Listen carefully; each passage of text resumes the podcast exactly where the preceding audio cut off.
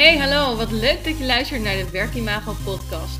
Deze podcast gaat jou helpen om bekend, zichtbaar en aantrekkelijk te worden voor jouw doelgroep op de arbeidsmarkt. Ik geef je hierover allerlei tips en adviezen, alleen of met een gast tijdens een interview. Daarnaast neem ik je mee in de leuke en minder leuke momenten van het ondernemen en mijn leven. Wil je tussen de podcast door meer zien, horen of contact met mij opnemen? Volg mij dan op Instagram, werkimago. Veel luisterplezier! Hey, hallo, wat leuk dat je luistert. Vandaag ga ik het hebben over je strategische doelgroep. Oftewel, jouw doelgroep. Want waar veel mensen denken dat dat pas komt later, zeg ik altijd: het is echt de basis. Jouw doelgroep. Wie is jouw doelgroep eigenlijk? En hoe goed kent jouw doelgroep jouw organisatie? Wat is het beeld dat ze hebben? Zijn ze positief, negatief? Kennen ze überhaupt? En hoe weet je eigenlijk wel het beeld ze van je hebben? En waar hebben ze behoefte aan? De basis is echt jouw doelgroep. Want wat wil jouw doelgroep? En hoe worden ze aangesproken? Ehm, al dit soort vragen en de vragen die ik je voorstelde, geef je inzicht in hoe jij je content, ehm, hè, dus, dus al je online uitingen, video's, uh, teksten, op welke manier dan ook, als wat je online plaatst. Um, wat wil ik nou zeggen? Nou, dat gebeurt ook wel eens hè, in uh, podcast. Maar goed. Um, dus al, al jouw content bepaal je en stem je af op je doelgroep. Dus het is zo belangrijk om doelgroep om te zoeken. Onder, zo, doelgroeponderzoek te doen. En te weten waar jouw doelgroep uh, behoefte aan heeft.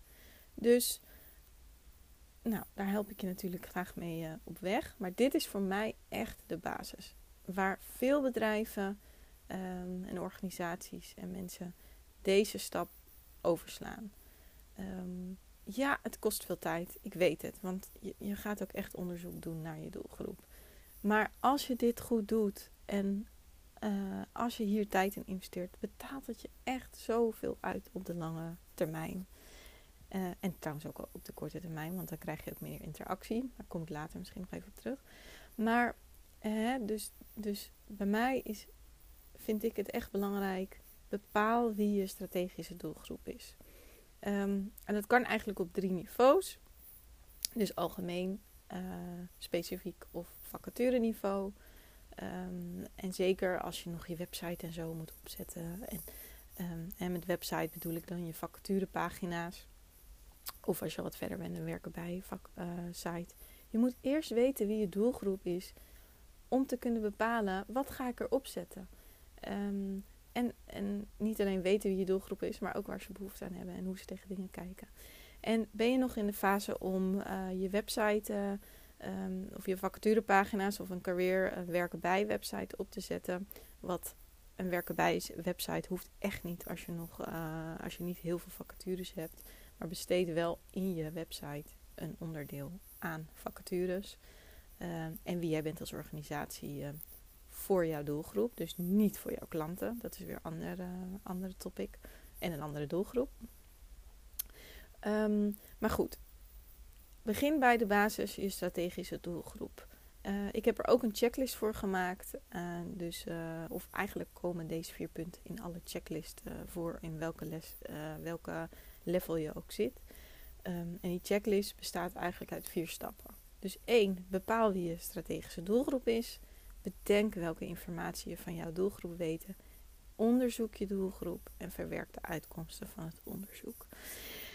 Um, en ik zei net al even, bepalen wie je strategische doelgroep is, kan op drie levels. En ben je met je facturen site bezig, hou het dan wat algemener. Want je kan wel heel specifiek in, uh, inzoomen op vacatureniveau. Hè. Stel je zoekt altijd technische accountmanagers. Maar ja, er komen meer mensen op jouw site dan technische accountmanagers. Even als voorbeeld. Dus hou het in dit geval voor je uh, website uh, wat algemener.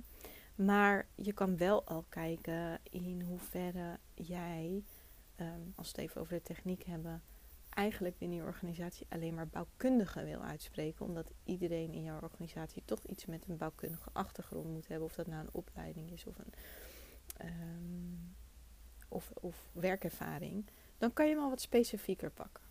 Ehm, maar ben je een organisatie die en marketeers heeft, uh, en dus zeg maar staffuncties, marketeers, HR, ehm, administratie, dat soort dingen, ja, die mensen hoeven niet per se een uh, bouwkundige achtergrond te hebben in het vorige geval. Dus uh, hou het dan gewoon wat algemener.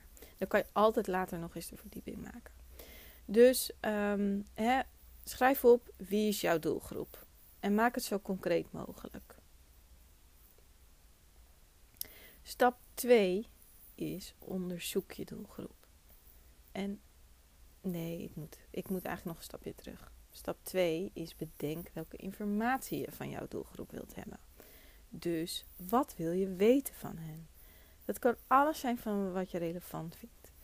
Um, sowieso is natuurlijk belangrijk om te denken: waar hebben ze behoefte aan? Um, dus dat is sowieso uh, van toepassing. Maar, en hoe willen ze aangesproken worden bijvoorbeeld? En um, willen ze met u of jij aangesproken? Wat is de tone of voice wat ze fijn vinden? Dat soort dingen. Maar daarnaast is het ook nog wel interessant om te weten, en zeker wat later uh, in het verhaal, is welke regio woont je doelgroep? Wat is de leeftijdscategorie, opleidingsniveau? Uh, wonen ze samen, getrouwd, kinderen? Hè, dat soort zeg maar algemene of, of, wat voor hobby's hebben ze of interesses is ook handig om te weten. En met name omdat je daar later wat aan hebt. Um, en je niet eigenlijk zo'n heel onderzoek weer twee keer opnieuw wil doen. Ja, en ga dan zoom in op waar heeft de doelgroep de behoefte aan. Dus waar liggen ze van wakker? Waar zijn ze actief? Zijn ze op social media actief? Welke social media? Gaan ze naar seminars, vakgroepen? Uh, dat soort dingen is ook belangrijk. Dus schrijf alle vragen op wat je wil weten van je doelgroep. Zodat je tijdens het onderzoek daarop terug te kan komen. Nou, stap 3 is dus inderdaad onderzoek je doelgroep. Dus aan de hand van de vragen die je hebt opgeschreven ga je het onderzoek doen. En bepaal welk type onderzoek je. En ik adviseer je, doe altijd een interview. Of het nou telefonisch is of face-to-face. Um, dat face-to-face kom ik zo wel even op terug. En ik weet dat je denkt, oh nee, dat vind ik spannend. Of ik doe het liever niet. Of dat soort dingen. Ik vind, en het is een drempel. Maar als je voor dit type uh, onderzoek kiest, dan haal je er zoveel meer informatie uit. Omdat je A. hoort wat de mensen zeggen. Um, dus de manier waarop ze het zeggen. Ook weer de tone of voice. B. Je kan doorvragen. Dus als er iets een keer niet duidelijk is of je wilt er meer van weten, kan je er meteen op doorvragen. Um, de antwoorden die je krijgt zijn vaak beter. Uh, want je kan zelf kiezen wie je interviewt. Met een enquêtevorm bijvoorbeeld ben je heel afhankelijk van wie heeft er zin om het in te vullen. En je weet ook niet altijd of diegene voldoet aan, um, of het een goede is om het zo te zeggen binnen jouw doelgroep. Voor hetzelfde geld is het Jan en alle man die toevallig op jouw uh, enquête terechtkwamen, die totaal niet binnen jouw doelgroep valt. Dus ga echt voor dat interview. En ja, de eerste twee keer is het spannend. Maar um, daarna is het ook een soort van standaard. Hè? Dat is ook met on oncomfortabel zijn. Als je twee dingen twee of drie keer hebt gedaan, is het dan niet meer oncomfortabel, want je hebt het gewoon gedaan. Maar de stap om het te doen is altijd even groot. Ik zeg altijd: bereid je vragen voor en doe het gewoon. Um, dan is het vanzelf niet meer spannend. Um, en begin dan met je medewerkers. Want dat kan dus face-to-face, die zitten in het verhaal. Ehm, dan is het namelijk ook niet zo spannend. Want dan kan je al oefenen en kan je al wat kilometers maken. En als je dan iemand gaat bellen die je niet kent, is het al wat minder spannend. Um, en ook nog wel interessant om te weten: liever zes interviews met goede mensen die binnen jouw doelgroep vallen, dan twintig die niet in de doelgroep passen. Vandaar ook geen enquête. Um, dus begin met je medewerkers. Uh, kijk daarna eens welke sollicitanten heb ik de afgelopen tijd gehad die goed waren, hè, dus die binnen je doelgroep vielen, maar misschien ook wel waar je al wat mee kon. Dus had je um, een sollicitant die ehm, ja, heel erg afweek van je doelgroep of echt drie keer niks was op papier. Dus ga niet te veel in op oh wie heb ik gesproken en uh, nou oké, zij, uh, zij was uh, niks qua competenties, leuke meid, maar ik had er, niet, had er wat minder aan of er was net niet een match. Dat soort mensen wil je er eigenlijk ook wel in, omdat ze binnen je doelgroep vallen. En je het nu nog algemeen wil halen, Later kan je zeggen, als je het echt op vacatureniveau wil doen, ik ga alleen de goede sollicitanten bellen. Want dat is uiteindelijk waar ik het voor ga schrijven, een vacature bijvoorbeeld. Maar nu uh, houdt nog al wat algemener. Dus kijk gewoon wie je op cv op papier. Dus op papier en valt binnen de doelgroep en ga die bellen. En um, dat was dus stap 3. En stap 4, verwerk de uitkomst van het onderzoek.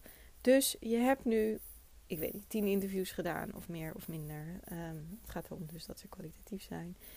Uh, en met kwalitatieve kandidaten moet ik dan zeggen. En verwerk de uitkomst van het onderzoek. Dus vind de rode draad in alle antwoorden en verwerk het in de vorm van een persona. En een persona is eigenlijk een, een, een denkbeeldige kandidaat die, um, ja, hoe zeg ik dat, die jou gaat helpen om je tekst te schrijven. En dat klinkt ook weer een beetje zweverig. En dat is het misschien soms ook wel een beetje als je nu dit hoort. Maar als je nou je inbeeldt dat je een kandidaat hebt, een ideale kandidaat voor wie je dit schrijft. En je geeft degene een naam. Dus laten we zeggen, uh, je hebt uh, je onderzoek gedaan, daar kwam uit dat uh, de, dat het met name jouw doelgroep HBO'ers zijn, de leeftijd van tussen de 30 en 45 jaar, ik noem maar iets hoor. Um, met name mannen, maar ook wel wat vrouwen. Um, ze hebben vaak al een gezin. Um, nou ja, hè, dit soort dingen. Schrijf dat op en geef degene alles wat je hebt opgeschreven en beeld je in hoe zou deze persoon kunnen heten. Um, en wat past dan ook bij jouw bedrijf? Hè? Dus ben je een, een wat hip bedrijf, dan past de naam Kees misschien wat minder. Terwijl uh, Kees natuurlijk een prima naam is. Maar pas, denk ook even na over een naam. Want daardoor kan je later, als je je, je vacaturepagina's of andere content gaat maken, kan je denken: ik doe net of ik het naar Robin schrijf. Bijvoorbeeld als je een Robin hebt genoemd. Of haar. Robin kan natuurlijk ook een namensnaam zijn. En dat helpt jou om je teksten beter af te stemmen op je doelgroep. Dus nogmaals, verwerk, vind de rode draad in alle antwoorden en verwerk het in de vorm van een persona. En um, op mijn uh, gratis uh, checklist, uh, hè, op welk niveau ook, dus voor beginners of gevorderden of experts. Nou, bij experts trouwens komt het in een andere vorm, maar komt dit dus naar voren. Dus wil je er meer van weten, download dan die checklist. Daar staat ook bijvoorbeeld een template in, hoe je, of een voorbeeld eigenlijk, hoe, hoe je een persona kunt maken. En um, nou, doe dat echt. Ja, deze stappen kosten je tijd, maar je gaat er zoveel meer van. Het gaat zoveel jou opleveren op de termijn. Omdat je gewoon meteen je, je of je werken bij website. En schrijf je meteen op je doelgroep. Hè? Dus je kan meteen verkopen eigenlijk waarom jij, waarom jouw organisatie interessant is voor hun om te werken. Um, dus ga daar echt mee aan de slag. En um, ja, heb je personeel in je bedrijf? Uh, um, hè, je kan zo'n echt het uitvoeren van het onderzoek, die interviews, dat duurt natuurlijk even uh, qua tijd. Dus de voorbereiding en de verwerking zou ik zeker zelf doen. Of betrek er iemand bij. Um, maar het onderzoek zou je nog kunnen laten doen, bijvoorbeeld door uh, iemand van de klantservice of uh, een administratief persoon of uh, een stagiair. Hè? Stagiairs vinden dit ook leuke projecten. Um, en dan is het ook wel leuk om diegene natuurlijk er aan het begin al in mee te nemen, maar niet noodzakelijk. Dus dat scheelt jou heel veel tijd. Um, en jij kan uiteindelijk die rode draad vinden. Um, anderzijds is het ook wel weer makkelijker om de rode draad te vinden als je zelf die mensen hebt gesproken. Maar goed, dat is uh, up to you. Um, Hè? Dus het uitkomst is: maak een persona zodat je later al je content op deze persoon kan schrijven. En daarom is het belangrijk om het nu wat algemener te houden. Want als je al de diepte ingaat, dan trek je dus ook andere mensen. Dus ga je de diepte in, mijn doelgroep is alleen maar technische accountmanagers, dan sluit je dus ook alweer heel veel uh, andere mensen die bijvoorbeeld voor een keer een algemene vacature van uh, administratief ondersteuner, uh, sluit je dus uit. Dus dat is zonde. Dus hou het nu wat meer algemeen op de branche of op het type mensen of um, ja, kijk wat bij jou past. Dus ga daar echt even over nadenken. Ik wens je er veel succes mee. Heb je, no heb je er hulp mee nodig? Kijk dan op mijn gratis checklist of download het e-book die je nog meer uh, tips, tricks en ook doe-opdrachten geeft. Want met dit soort dingen is het belangrijk om het te gaan doen. Als je denkt, Kim, ik heb er naar geluisterd, ik ga er volgende week wel een keer mee aan de slag, dan doe je het niet meer. Dus pak je pen of zet het op je to-do-lijst en ga hier echt mee aan de slag. Want je gaat hier heel veel aan hebben. Succes ermee en um, volg mij ook op het werkimago.